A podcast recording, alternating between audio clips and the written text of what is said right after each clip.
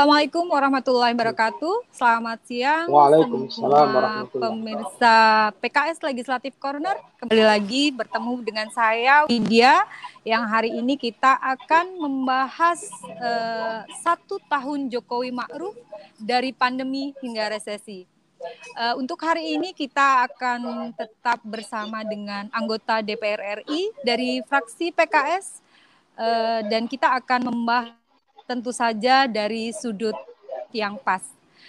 Uh, sebelumnya kita sudah tahu bahwa pemerintahan Jokowi Ma'ruf bersama Kabinet Indonesia Maju sudah genap melewati satu tahun pertama yang menjadi pembuka jalan menempuh kerja mengelola negara untuk empat tahun yang tersisa. Dentik waktu terasa cepat, perubahan terjadi sangat tajam, dan Presiden pernah murka dalam rapat kabinet meski, meski berbagai insentif dan jurus telah dikeluarkan. Namun kerja kabinet tak kunjung moncer dan tokcer. 16 paket ekonomi sebagai kelanjutan periode pertama Jokowi sudah dilaksanakan. Berbekal dengan Perpu nomor 1 tahun 2020 yang, sudah menjadi Undang-Undang Nomor 2020 juga tidak kunjung menggeliat cepat. Malah COVID-19 mengerek Indonesia menjadi negara paling terpapar se-ASEAN dan menempati 10 besar tingkat mortalitas di Asia. Untuk hari ini kita akan bertemu dengan anggota fraksi Partai Keadilan Sejahtera Dewan Perwakilan Rakyat Republik Indonesia. Uh, tentu saja kita akan membahas isu dari sudut yang pas. Dengan tema satu tahun Jokowi Ma'ruf dari pandemi hingga sesi. Dan kita akan ber uh, kita akan berkenalan Joko dengan Widodo dan Ma'ruf Amin bersama DPR Kabinet Indonesia Maju genap telah melewati satu tahun pertama yang menjadi pembuka jalan dalam menempuh kerja mengelola negara untuk empat tahun tersisa. Penting waktu berjalan cepat, gerak perubahan terjadi sangat tajam. Presiden murka dalam rapat kabinet meski berbagai insentif dan jurus telah dikeluarkan, namun kerja kabinet tidak kunjung moncer dan tokcer. 16 paket ekonomi sebagai kelanjutan periode pertama Jokowi gagal mengungkit ekonomi yang ada kemudian dihantam pandemi berbekal Perpu nomor 1 tahun 2020 dan berenkarnasi menjadi Undang-Undang nomor 2 tahun 2020 juga tidak kunjung menggeliat cepat. Malah COVID-19 mengerek Indonesia menjadi negara paling terpapar se-ASEAN dan menempati 10 besar tingkat mortalitas di Asia. Demokrasi kini seperti di ujung senja, sipil melemah dan otoritarisme menguat. Lembaga negara banyak dipegang oleh pemikul senjata bukan tumbuh dari para pejuang aspirasi dan suara publik. Di sisi lain, penyusunan regulasi menyisakan persoalan. Pemerintah berulang kali menemukan titik konflik di persimpangan jalan. Undang-Undang Cipta Kerja sebagai inisiatif pemerintah menjadi salah satu pucuk penolakan publik. Isinya bukan hanya tentang kemudahan investasi, namun secara jelas justru terkandung degradasi lingkungan dan tergusurnya kepentingan anak bangsa di beragam sektor kehidupan. Akibatnya Undang-Undang Cipta Kerja Importasi Pangan akan terbelalak di depan mata. Padahal selama ini pun produk pangan lokal sudah terhempas hingga tersungkur dalam rantai pasok yang tidak seimbang.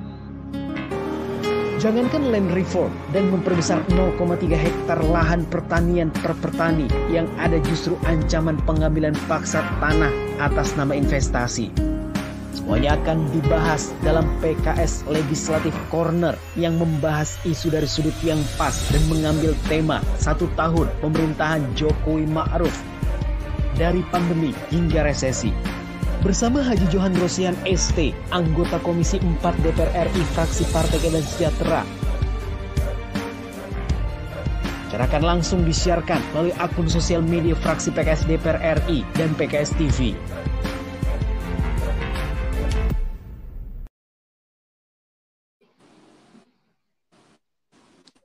Kembali lagi eh, di satu tahun Jokowi Ma'ruf dari pandemi hingga resesi bersama saya Widya dan juga tentu saja nanti akan ada Bapak Haji Johan Rosian ST. Assalamualaikum Pak Johan. Waalaikumsalam warahmatullahi wabarakatuh Mbak Nadia.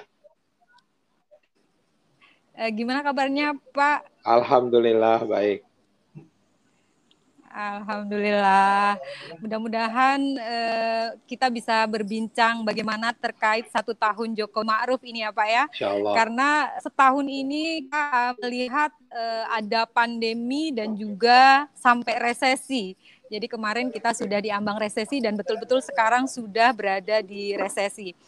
Uh, baik, uh, legislatif corner di seluruh Indonesia. Uh, ini kita akan berbincang dengan Bapak Johan. Uh, beliau adalah anggota Komisi 4 fraksi PKS yang kita akan membahas terkait uh, satu tahun Jokowi dari pandemi hingga resesi. Sudah siap ya Pak? Nanti saya akan banyak bertanya-tanya dan saya ingin semua akan mendapatkan jawaban uh, kita akan bisa berdiskusi kita akan bisa banyak mendapat pencerahan dari Pak Johan ini untuk acara ini bisa uh, langsung nanti di diakses melalui uh, Facebooknya dari fraksi PKS DPR RI dan juga kita live di live di YouTube. YouTube uh, ya. Baik, Pak Johan, uh, yang pertama ini adalah apa saja catatan kritis dari Johan ter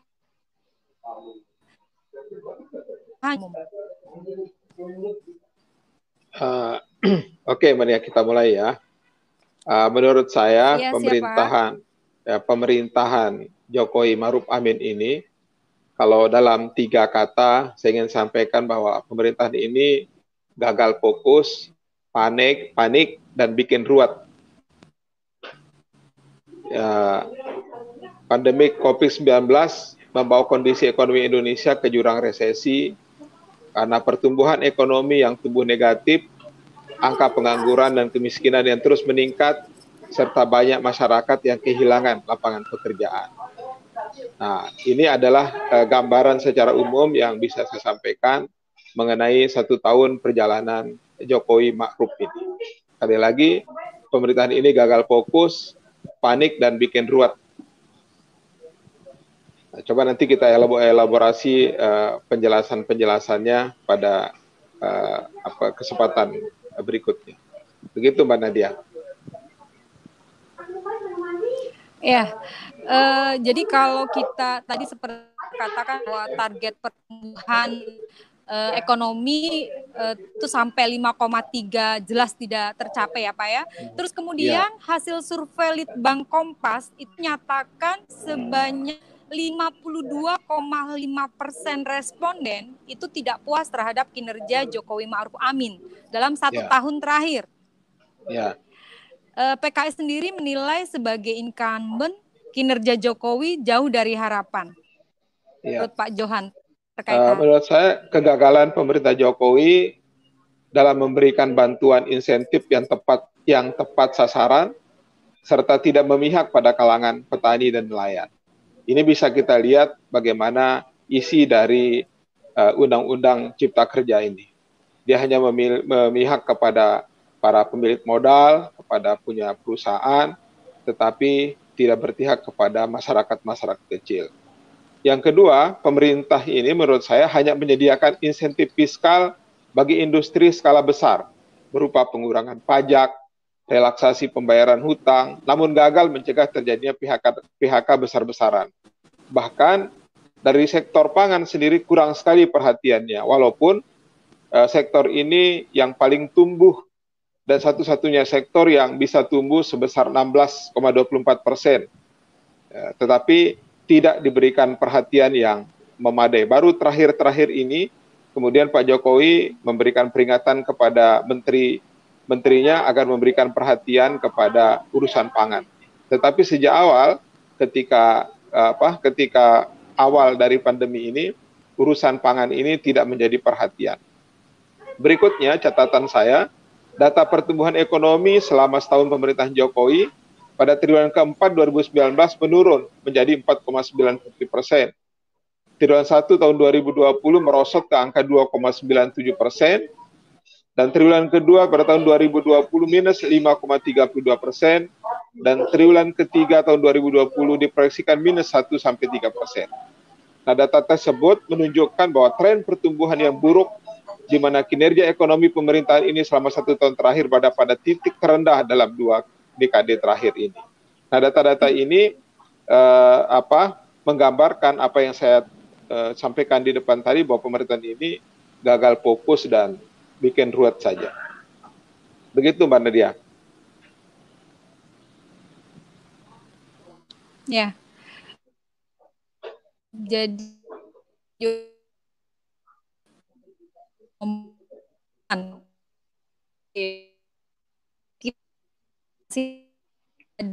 Suaranya kurang baik, Mbak Nadia. Saja Pak Johan. Ya. Suaranya kurang uh, bagus, Pak.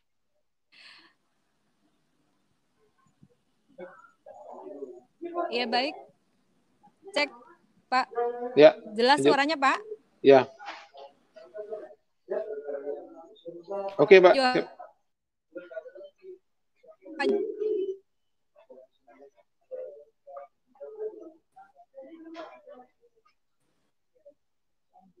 Bagaimana pendapat Pak Johan terkait komitmen pemerintah prinsip dan seni demokrasi dengan memberikan ruang bagi orang-orang yang memiliki perbedaan pendapat dengan pemerintah?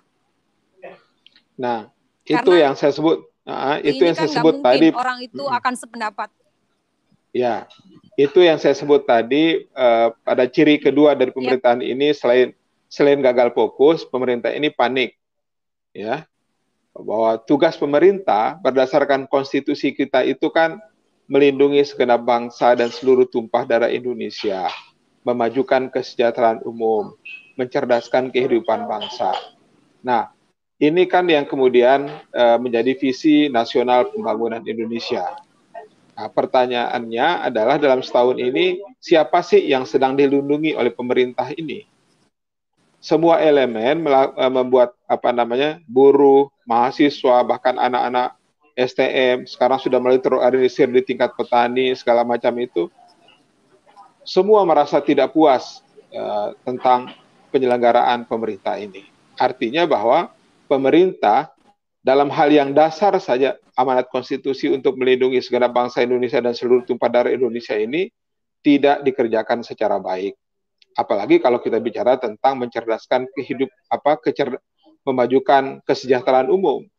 Ya, bagaimana kita melakukan pencerdasan ketika misalnya angka pertumbuhan kita itu minus eh, apa eh, angka pertumbuhannya minus sehingga kemudian tidak mungkin kita bisa melakukan eh, kegiatan-kegiatan yang bisa mensejahterakan masyarakat Indonesia sesuai dengan tujuan yang diamanatkan oleh konstitusi kepada pemerintah itu.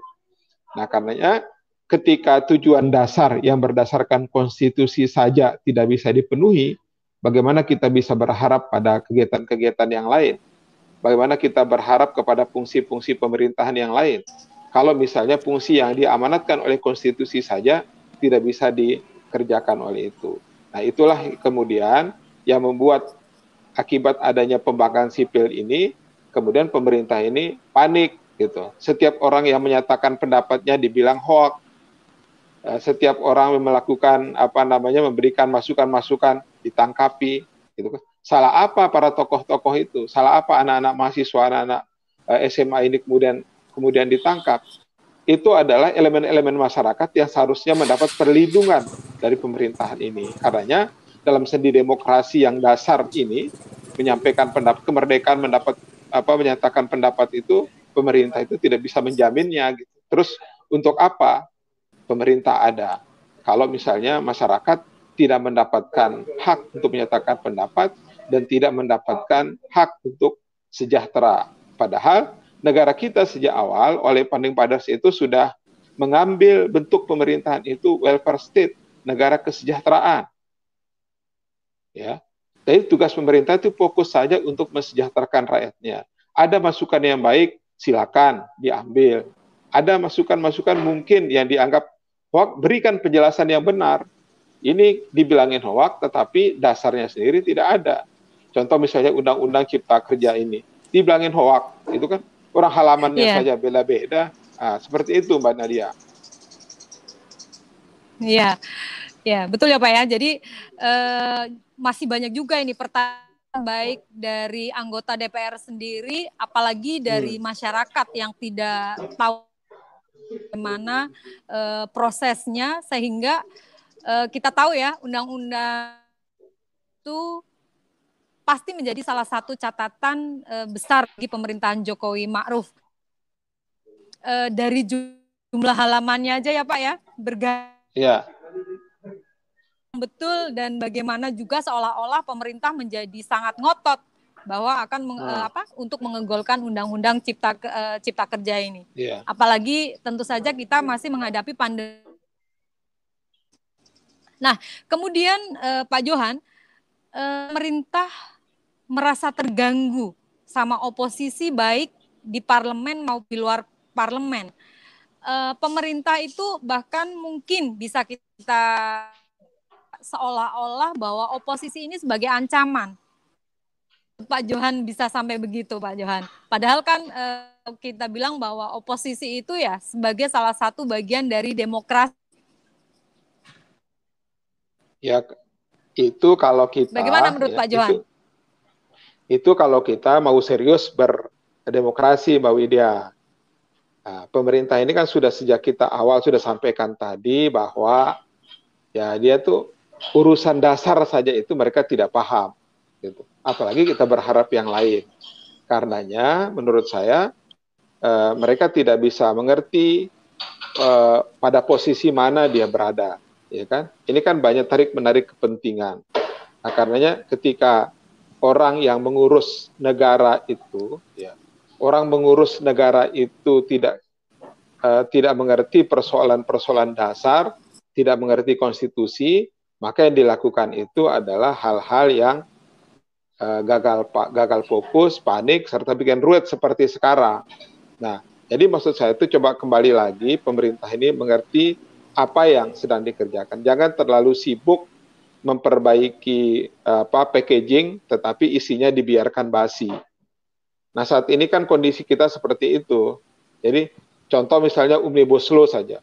Yang disampaikan itu kan yang baik-baik saja kemudahan investasi, kemudahan berusaha, kemudahan menjadi pengusaha.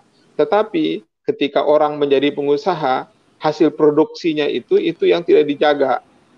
Nah, jadi seperti contoh misalnya Mbak ya, contoh misalnya uh, Mbak Widya dikasih kemudahan untuk menjadi pengusaha, sebut saja pengusaha kerupuk, ya kan? Tetapi kemudian ketika Mbak Widya menjadi pengusaha kerupuk, Mbak Widya menghasilkan kerupuk, kerupuknya dibawa ke pasar. Di pasar itu sudah menunggu kerupuk Cina. Ya kira-kira kerupuk mana yang akan dibeli oleh masyarakat? Nah, karenanya jangan hanya menjual tentang kemudahan berusaha, tetapi jaminan produk itu tidak di apa namanya tidak tidak di tidak di apa tidak diberikan jaminan oleh pemerintah itu. Karenanya sekali lagi saya sebagai anggota DPR sangat merasakan sekali gitu walaupun kami tidak bukan di apa di badan di panja dan sebagainya itu perubahan jadwal saja dari hari Kamis ke hari Senin itu kita tidak tahu. Saya waktu itu rapat eh, komisi hari Senin jam 11 dikasih warning sama ketua komisi. Rapat komisi akan kita hentikan jam 12 karena setelah itu ada ada ada informasi penting dari pimpinan. Kita tidak mengerti apa apa informasi penting itu. Ternyata informasi yang penting itu adalah memajukan jadwal sidang pengetokan ini. Ini kan kepanikan, kepanikan pemerintah yang kemudian ditransfer ke lembaga perwakilan, yaitu DPR. Begitu Mbak Widya.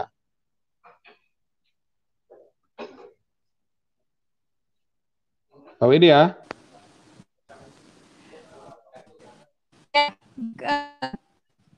Pak Johan, ini sepertinya ya. saya ada sedikit masalah uh, terkait koneksi. Pak Johan bisa mendengar suara saya? Jelas, Mbak Widya, jelas. Oh, baik, baik. Baik, saya lanjutkan lagi Pak Johan. Jadi selama satu tahun pemerintahan eh, Pak Jokowi Ma'ruf, tentu saja di periode kedua, eh, salah satunya persoalan kesehatan dan ketenaga kerjaan ini Pak, masih menjadi catatan. Menurut Bapak bagaimana?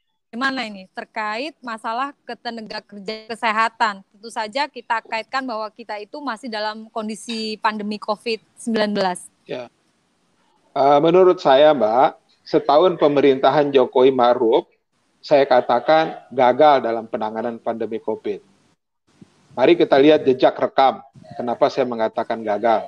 Satu, tidak cepat tanggap dan cenderung meremehkan ketika pertama kali teridentifikasi adanya virus.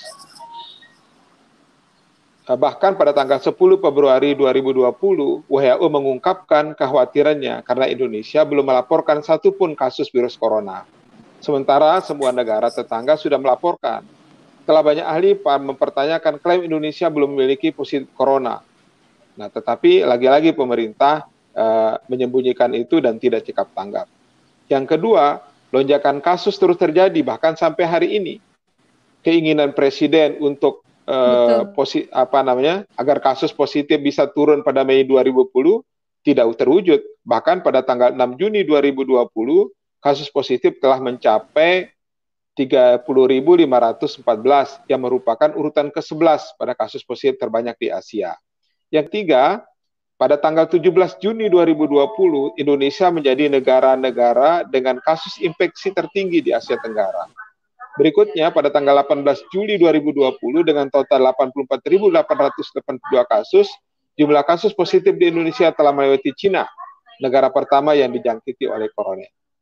Berikutnya, Perhimpunan Ahli Endemi Endemologi Indonesia tanggal 17 Agustus 2020 menyatakan bahwa pemerintah bahwa pengendalian pandemi COVID di Indonesia tidak berjalan efektif dan belum ada tanda-tanda pandemi berakhir. Nah, itu rekam jejak rekam jejak betapa bahwa pemerintah ini tidak tanggap terhadap uh, apa namanya penanganan COVID-19. Yang berikutnya, pemerintah Jokowi tidak memiliki kebijakan yang tegas untuk memutus mata rantai infeksi di tengah masyarakat tidak mampu melakukan testing skala besar dengan PCR sesuai standar WHO. Kurang mewaspadai terjadinya kelangkaan bahan pangan pada masa pandemik ini. Jadi, eh, Mbak Widya, kalau Mbak Widya keluar dari Jakarta atau keluar dari Jawa, bisa kita lihat bagaimana tanda kutip pembangkangan sipil terhadap protokol kesehatan ini. Ya, saya barusan tadi Jumatan di masjid itu tidak ada tidak ada jaga jarak protokol kesehatan, tidak ada satupun orang dari ribuan jamaah itu menggunakan masker.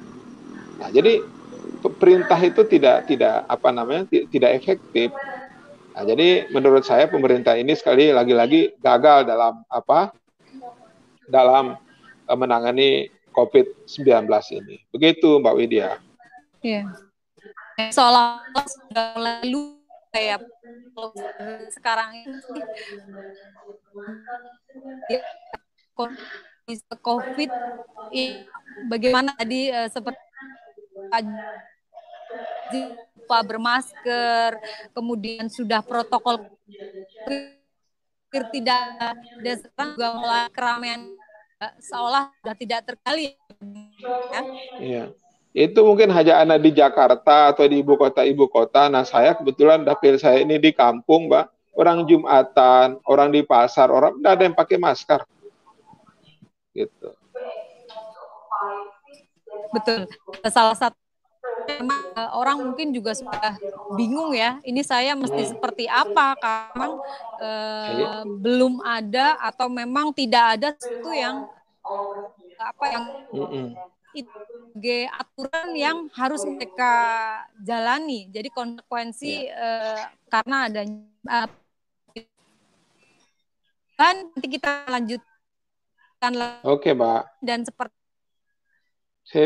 Medan responden-responden juga uh, yang menyimak dari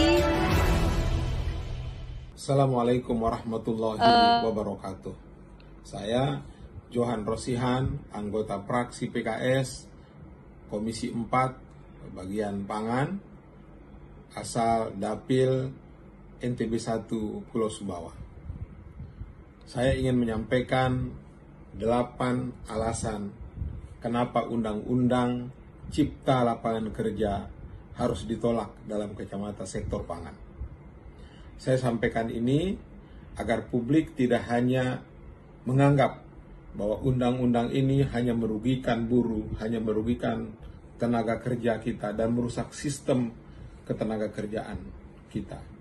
Bahwa undang-undang ini pun merupakan bentuk pengkhianatan terhadap upaya-upaya kita untuk mewujudkan kedaulatan dan ketahanan pangan nasional. Delapan alasan penolakan saya, yang pertama adalah dengan undang-undang ini arus impor pangan tidak terbendung. Bisa dilakukan kapan saja, termasuk ketika petani melakukan panen raya. Dampaknya harga jatuh, tentu petani menjadi sengsara. Yang kedua, Undang-Undang Cipta Kerja ini terlalu memanjakan para importir pangan. Yang ketiga, undang-undang ini menghapus denda bagi importir, sehingga merugikan kepentingan petani, karena impor pangan ini sangat mudah dilakukan daripada menyerap produksi pangan hasil petani Indonesia. Yang keempat, undang-undang ini berdampak sangat merugikan petani karena menyetarakan produk impor dengan produk dalam negeri, yang akibatnya komoditas kita kalah bersaing, terutama tanaman pangan dan hortikultura. Yang kerja akan mengancam kelangsungan usaha tani karena memperbesar ketimpangan kepemilikan lahan dan praktek penggusuran demi atas nama investasi.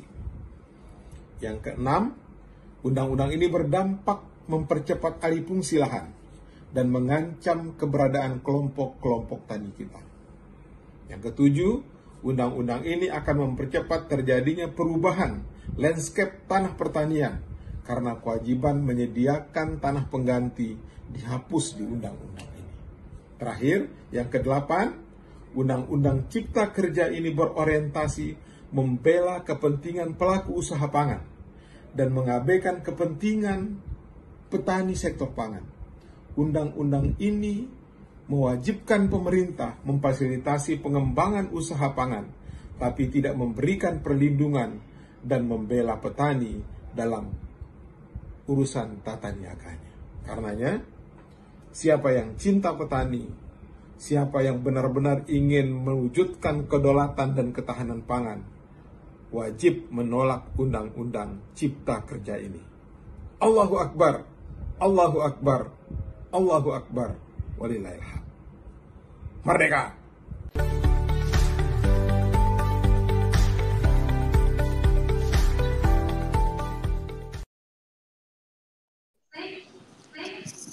Baik, kembali lagi di PKS Legislatif Corner bersama saya Widya dan juga Pak Johan yang masih bersama kita uh, di PKS TV dan acara ini live di YouTube PKS TV DPR RI dan juga di Facebook fraksi PKS DPR RI. Eh, kemudian Pak Johan, Uh, mungkin ini akan tepat sekali ya kalau kita bertanya sama Pak Johan yang notabene keseharian beliau adalah di Komisi 4 di DPR RI. Uh, ini di sektor pertanian Pak Johan, hmm. kalau kita membandingkan NTP pada setahun setahun sebelum dilantiknya Jokowi pada periode kedua dengan setahun setelah dilantiknya Jokowi menjadi presiden di periode yang kedua, ini terlihat sekali terjadi penurunan yang sangat signifikan ya Pak. Bagaimana menurut ya. Pak Johan? Uh, dalam catatan saya, pada Oktober 2019, NTP petani itu 101,99 mencapai titik tertingginya Betul, pada. Januari pada Januari 2020 104,16 20. 2020 Kemudian pada Mei eh, Mei 2020 itu anjlok ke angka 99,47. Nah, alhamdulillah eh, Agustus ini agak naik sedikit pada angka 100,65. Artinya bahwa petani kita ini masih papo, masih apa? Ndak untung, ndak rugi ya pada angka 100,65 ini. Ya. Nah, tapi ingat bahwa ketika Pak Jokowi kemarin menyampaikan nota keuangan pada bulan Agustus, nota keuangan di hadapan DPR, Pak Jokowi menargetkan bahwa um, uh, apa untuk APBN 2021 ini, 2021 nanti itu dia menargetkan NTP petani itu 102 sampai 104. Nah, karenanya hmm. uh, menjadi penting untuk kita garis bawahi. Tapi saya termasuk orang yang uh, apa tidak terlalu yakin bahwa akan apa namanya akan uh, mencapai angka itu. Kenapa? Ya, karena uh, Kementerian Pertanian tidak merubah gaya bekerjanya, tidak merubah gaya perencanaannya. Kenapa saya bilang seperti itu? Uh, dulu kita per, tidak pernah menjadikan NTP itu sebagai uh, apa acuan untuk kita bekerja. Karenanya Kementerian Pertanian itu orientasinya hanya produksi.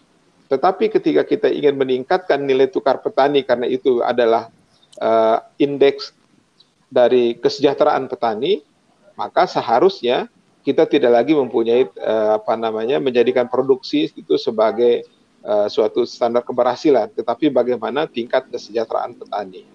Kementerian Pertanian Betul. tidak merubah programnya, ya kan? Menteri Pertanian uh, eh, apa yang berurusan pangan kayak perikanan juga tidak tidak apa tidak tidak merubah gaya bekerjanya, masih copy paste saja.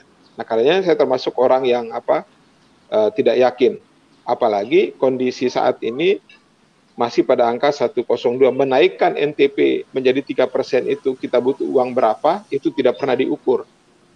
Nah karenanya kita tidak punya uh, alat ukur untuk melihat kinerjanya apakah kita menuju kesejahteraan atau kembali lagi kita me menjadikan produksi itu sebagai standar keberhasilan.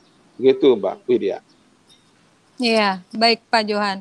E, artinya bahwa e, dengan di setahun masa Jokowi Ma'ruf di periode kedua ini salah satu yang masih menjadi persoalan mendasar itu adalah sektor pangan ya Pak ya karena ya. Eh, persoalan ketahanan pangan itu paling tidak eh, seharusnya menjadi prioritas karena ini eh, tentu saja akan berhubungan bahwa eh, memang eh, di negara kita Eh, salah satunya adalah bahwa kita adalah negara agraris. Artinya bagaimana mungkin hmm. negara agraris tetapi masih saja bermasalah dengan persoalan ketahanan pangan. Bagaimana terkait persoalan ketahanan pangan ini menurut Pak Johan?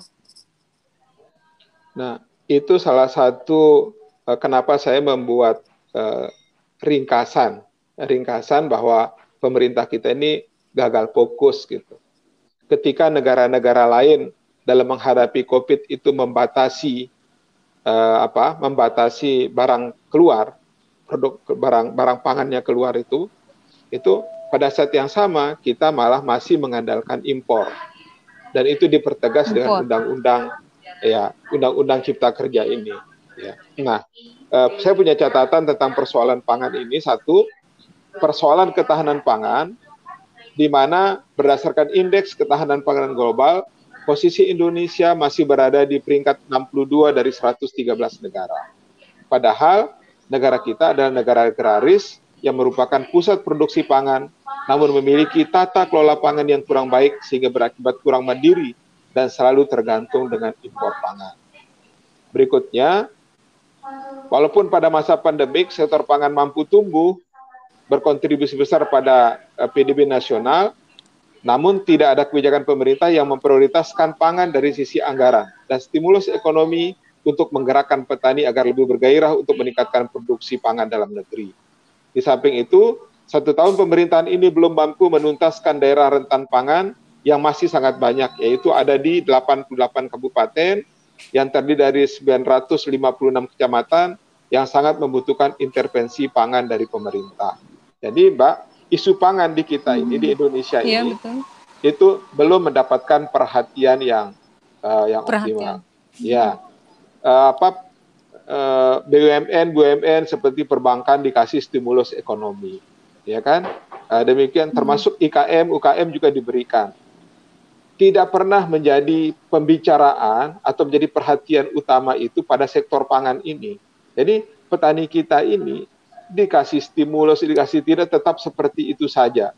Bahkan dari ke hari, persoalan-persoalan produksi pertanian kita itu menjadi soal. Sampai hari ini kita bisa belum menuntaskan bagaimana cara kita menyalurkan pupuk yang baik agar tepat jumlah, tetap sasaran, tepat waktu, tetap tempat uh, apa namanya formula dan lain sebagainya itu, ya kan?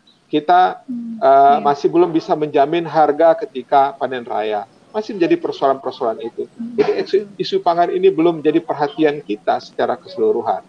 Media-media belum banyak mengangkat uh, apa namanya soal isu pangan ini. Beda kalau misalnya ada isu publik, ada isu pilkada, asa isu intrik kiri kanan segala macam itu selalu menjadi viral di media, tapi belum pernah ada satu media pun di Indonesia ini yang memberikan perhatian khusus kepada yang isu mengangkat pangan isu ini. tentang yang mengangkat ya? isu tentang pangan ini.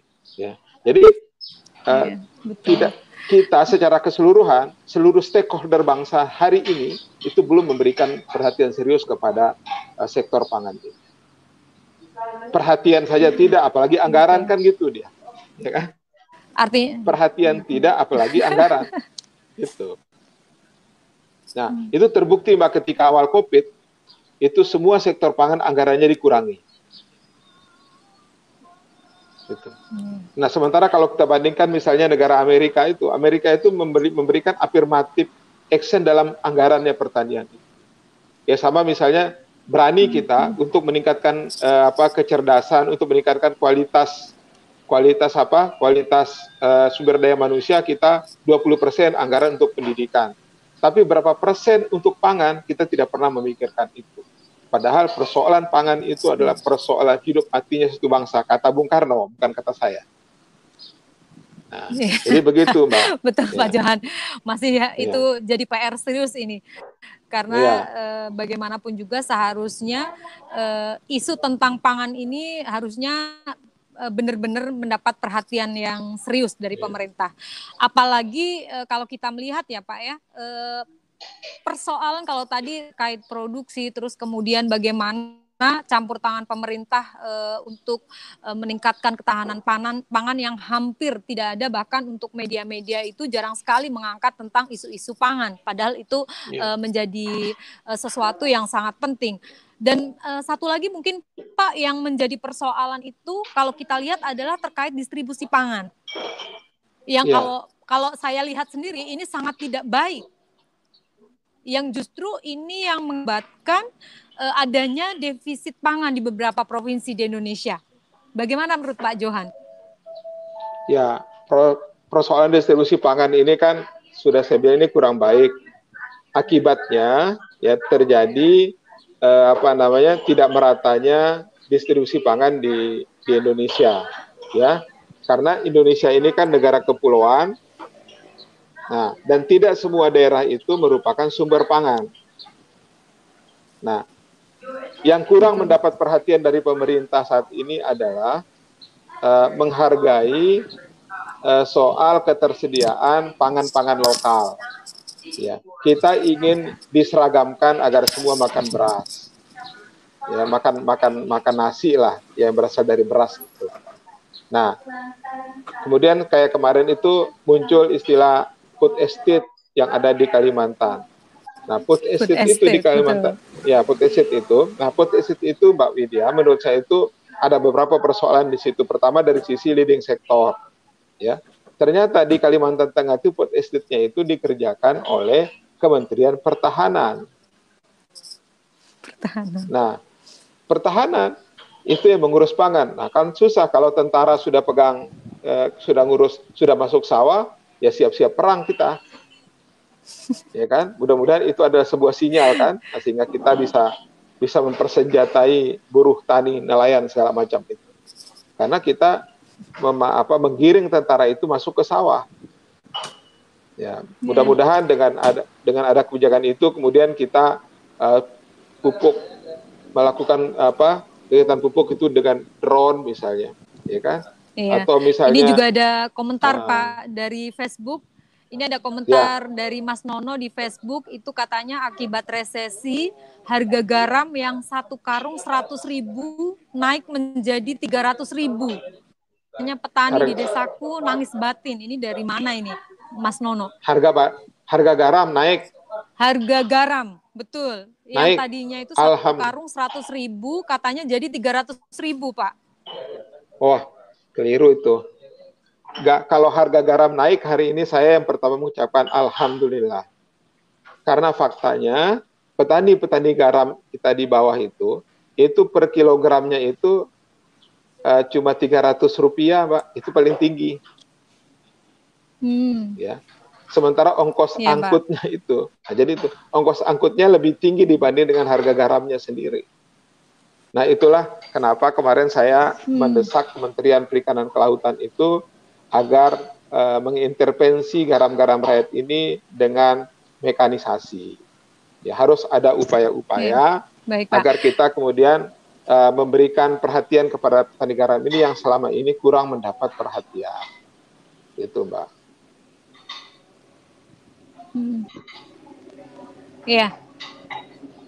Iya, itu tadi uh, salah kalau, satu tanggapan uh, di uh, kanal Facebook Pak Johan. Nah, kalau Jadi, ada uh, kalau ada orang kalau juga... ada orang beli garam kalau ada orang beli garam uh, dengan harga itu kasih tahu saya biar saya jual garam ke situ.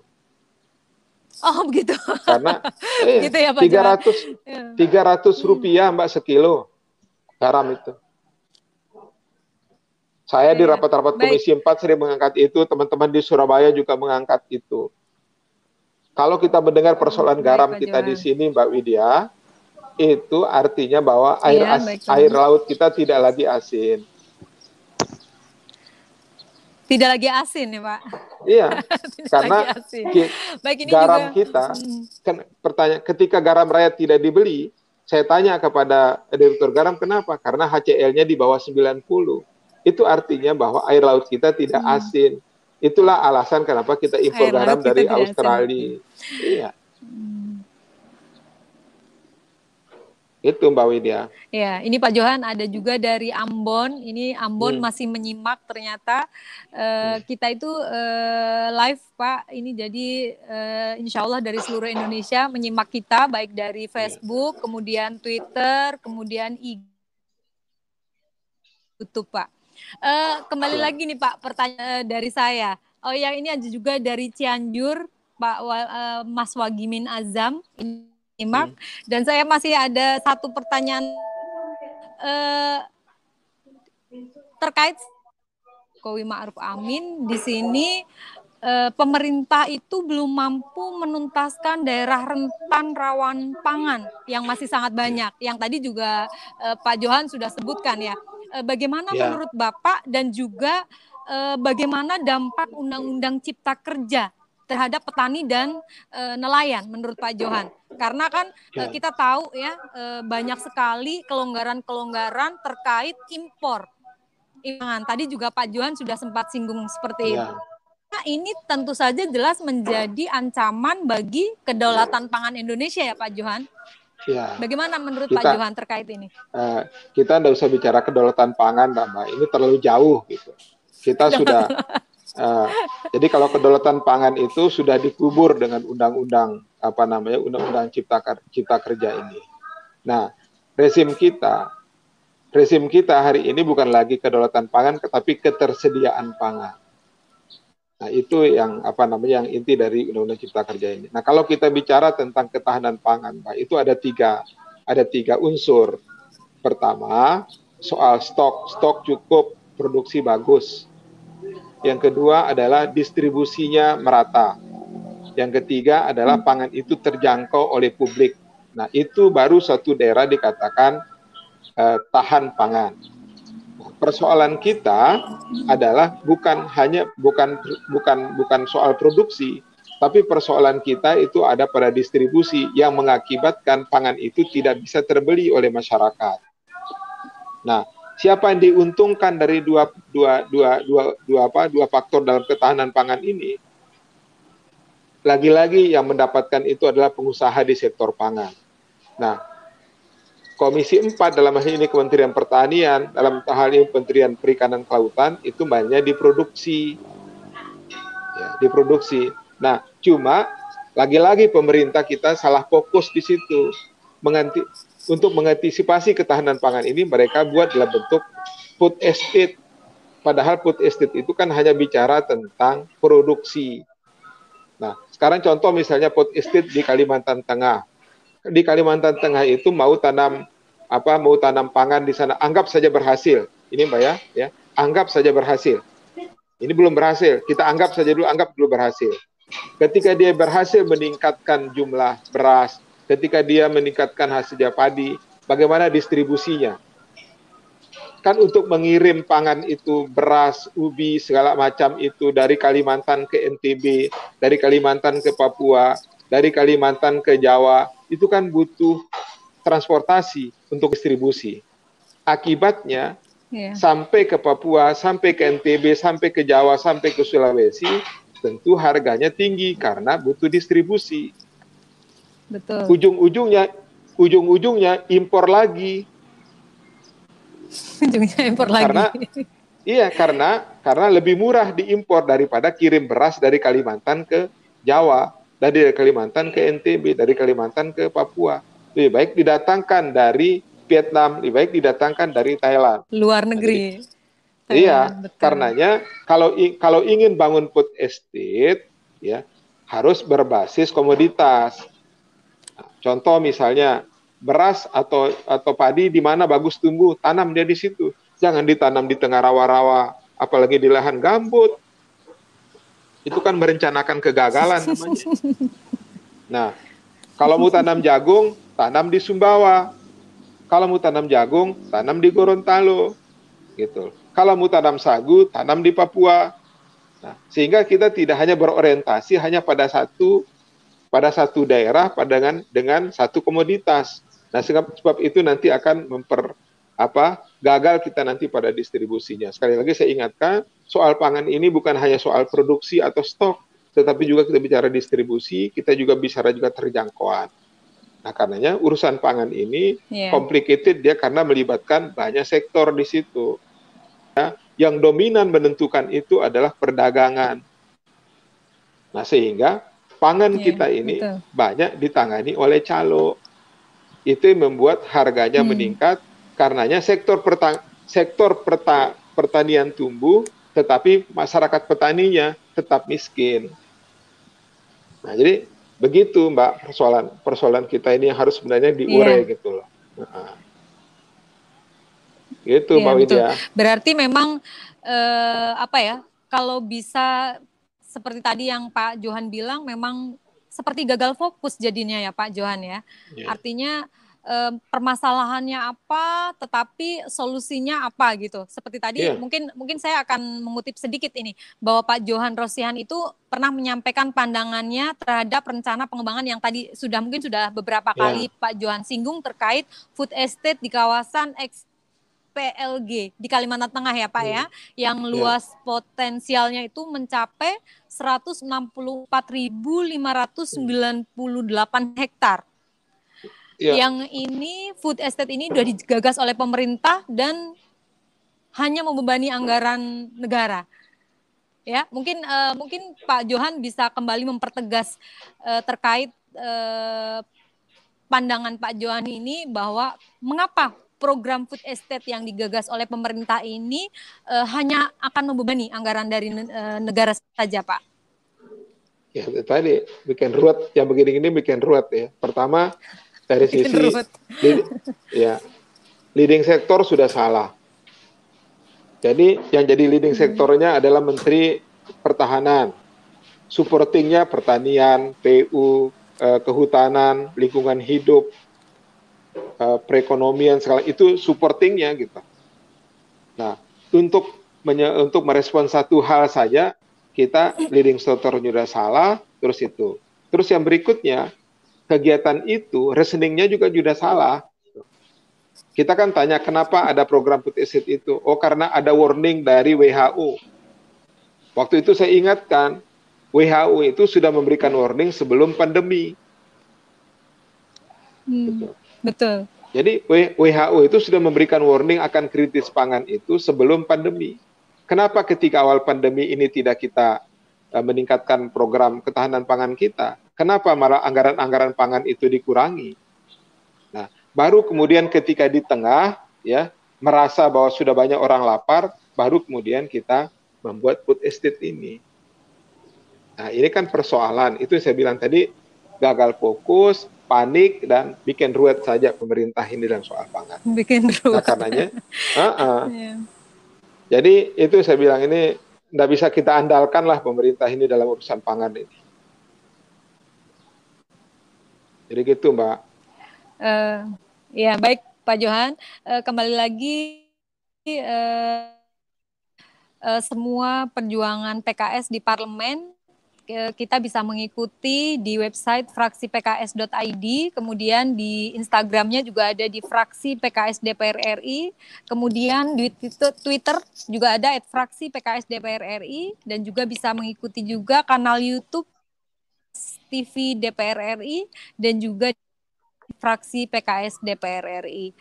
Uh, baik uh, Pak Johan, uh, apa sih sebenarnya harapan dan solusi dari PKS untuk pemerintahan ke depan? Karena kita tahu dari perbincangan kita selama satu jam ini, satu tahun Jokowi Ma'ruf, kita sudah mengalami dari pandemi sampai resesi seperti sekarang ini. Kira-kira apa sih harapan dan solusi dari PKS untuk pemerintahan pemerintahan ke depan. Silakan Pak Johan. Uh, saya ingin saya ingin mengutip kata-kata Bung Karno saja ini, Mbak ya. Ya, mudah-mudahan karena dengan mengutip Bung Karno mereka dengar. Bung Karno pesannya begini, jangan serahkan selera lidahmu kepada bangsa asing.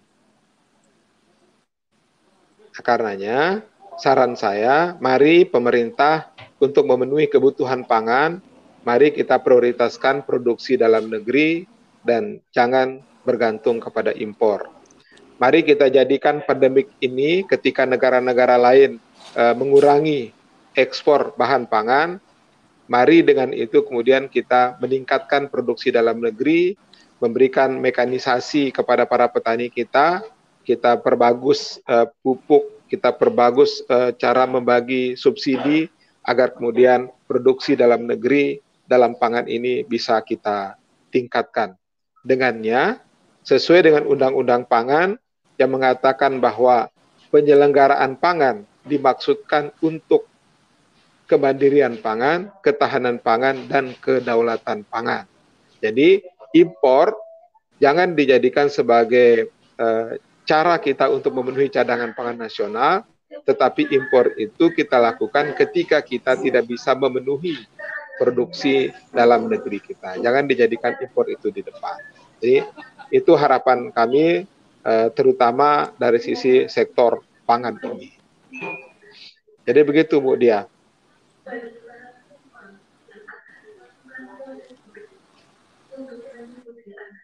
Iya, baik Halo. Pak Johan.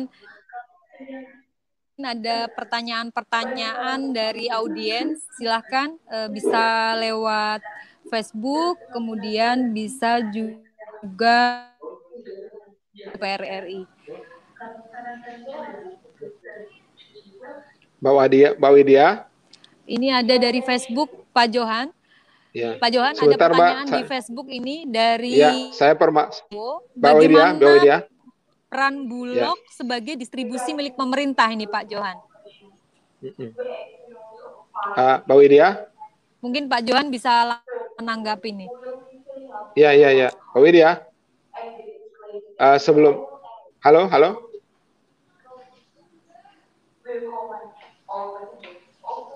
Halo, Pak. Iya, halo, Pak Johan. Ya. Ini ada uh, di Facebook, bagaimana peranan Bulog sebagai distribusi milik pemerintah? Bulog itu, Mbak, itu keren, keren namanya saja.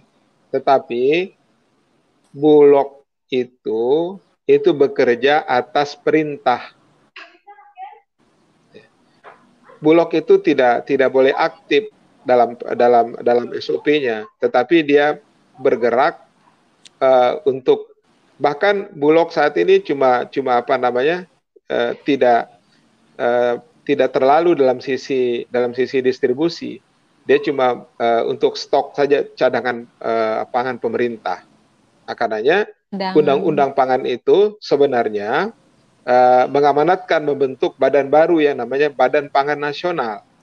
Nah, ini yang undang-undangnya sudah uh, sudah bertahun-tahun, tetapi pemerintah belum mau membentuk yang namanya Badan Pangan Nasional ini. Sebenarnya dengan adanya Badan Pangan Nasional, maka tiga hal yang saya sampaikan tadi soal stok, soal distribusi dan soal keterjangkauan itu bisa dikoordinasi oleh badan ini. Adapun Bulog dia hanya konsen kepada uh, stok pangan nasional. Jadi dia tidak bicara tentang apa namanya tentang tentang uh, distribusi kecuali kalau di kalau apa namanya kecuali kalau diperintahkan artinya dikasih anggaran gitu. Tetapi selama ini Bulog tidak berperan kepada itu tapi dia uh, apa namanya menampung menampung beras-beras uh, mitranya itu sesuai dengan yang diperintahkan oleh pemberi kebijakan yaitu presiden. Uh, selanjutnya Mbak Widya, saya permalungkan, uh, mohon maaf sekali, 10 menit lagi saya uh, apa? Saya naik pesawat ini karena berubah jadwalnya. Silakan dilanjutkan, Mbak. Iya, halo. Ya. Dengar saya? Ya, ya, Mbak. Uh, baik, uh, kepada seluruh pem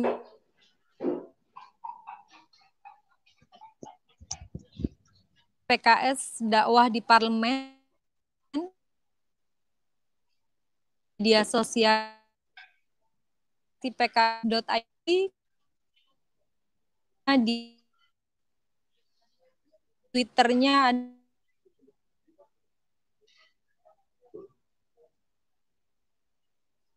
STV DPR RI.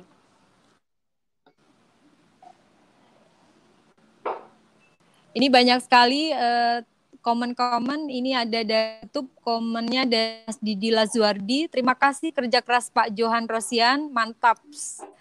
Kemudian eh, tadi dari Ambon sudah ya, Ambon menyimak. Terus kemudian dari Pademangan, eh, Pak Zainal ini di Pademangan juga ada dari Cianjur, kemudian dari Mas Hendra Hermawan, mantap Pak Johan. Kemudian ada lagi dari Mas BY, sekedar usul bagaimana kalau Karang Taruna dihidupkan dan dipus untuk sebagai pilot project program pemberdayaan pangan di desa-desa sehingga angkatan kerja tidak terjun semua ke sektor industri dan jasa. Dari Mas BY di Facebook, Kemudian ada lagi.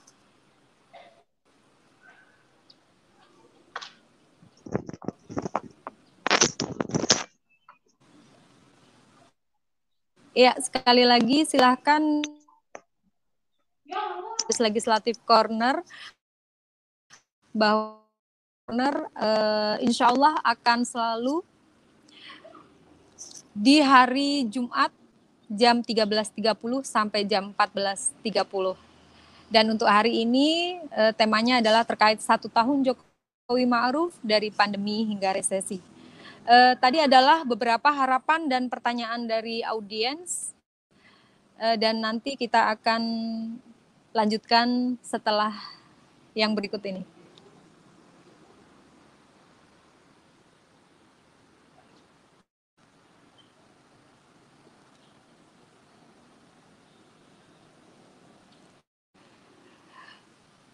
Baik, eh, tadi sudah ada beberapa masukan eh, dari Facebook dan juga beberapa komentar dari YouTube yang sudah eh, saya bacakan.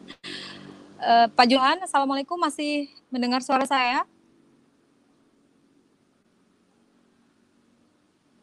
Assalamualaikum Pak Johan. Dalam rangka peringatan Hari Santri Nasional 2020, fraksi ya. Partai Keadilan Sejahtera DPR RI menggelar launching lomba baca kitab kuning yang keempat tingkat nasional tahun 2020. Acara akan berlangsung pada hari ini dengan mengambil tema meneladani peran ulama dan santri dalam meneguhkan kedaulatan NKRI. Launching lomba kitab kuning akan langsung dilakukan oleh Habib Dr. Salim Segaf Al-Jufri MA, Ketua Majelis Syuro Partai Keadilan Sejahtera, dengan keynote speaker Dr. Haji Jazuli Juwaini MA, Ketua Fraksi PKS DPR RI. Acara launching lomba kitab kuning juga akan diisi oleh narasumber Profesor Dr. Azhar Al-Hafiz, Rektor Universitas Pesantren Tinggi Darul Ulum Jombang dan Dr. Haji Muhammad Hidayat Nurwahid MA, Wakil Ketua MPR RI dan Ketua 1 Badan Wakaf Pesantren Gontor. Acara dapat Anda saksikan melalui akun media sosial fraksi PKS DPR RI dan PKS TV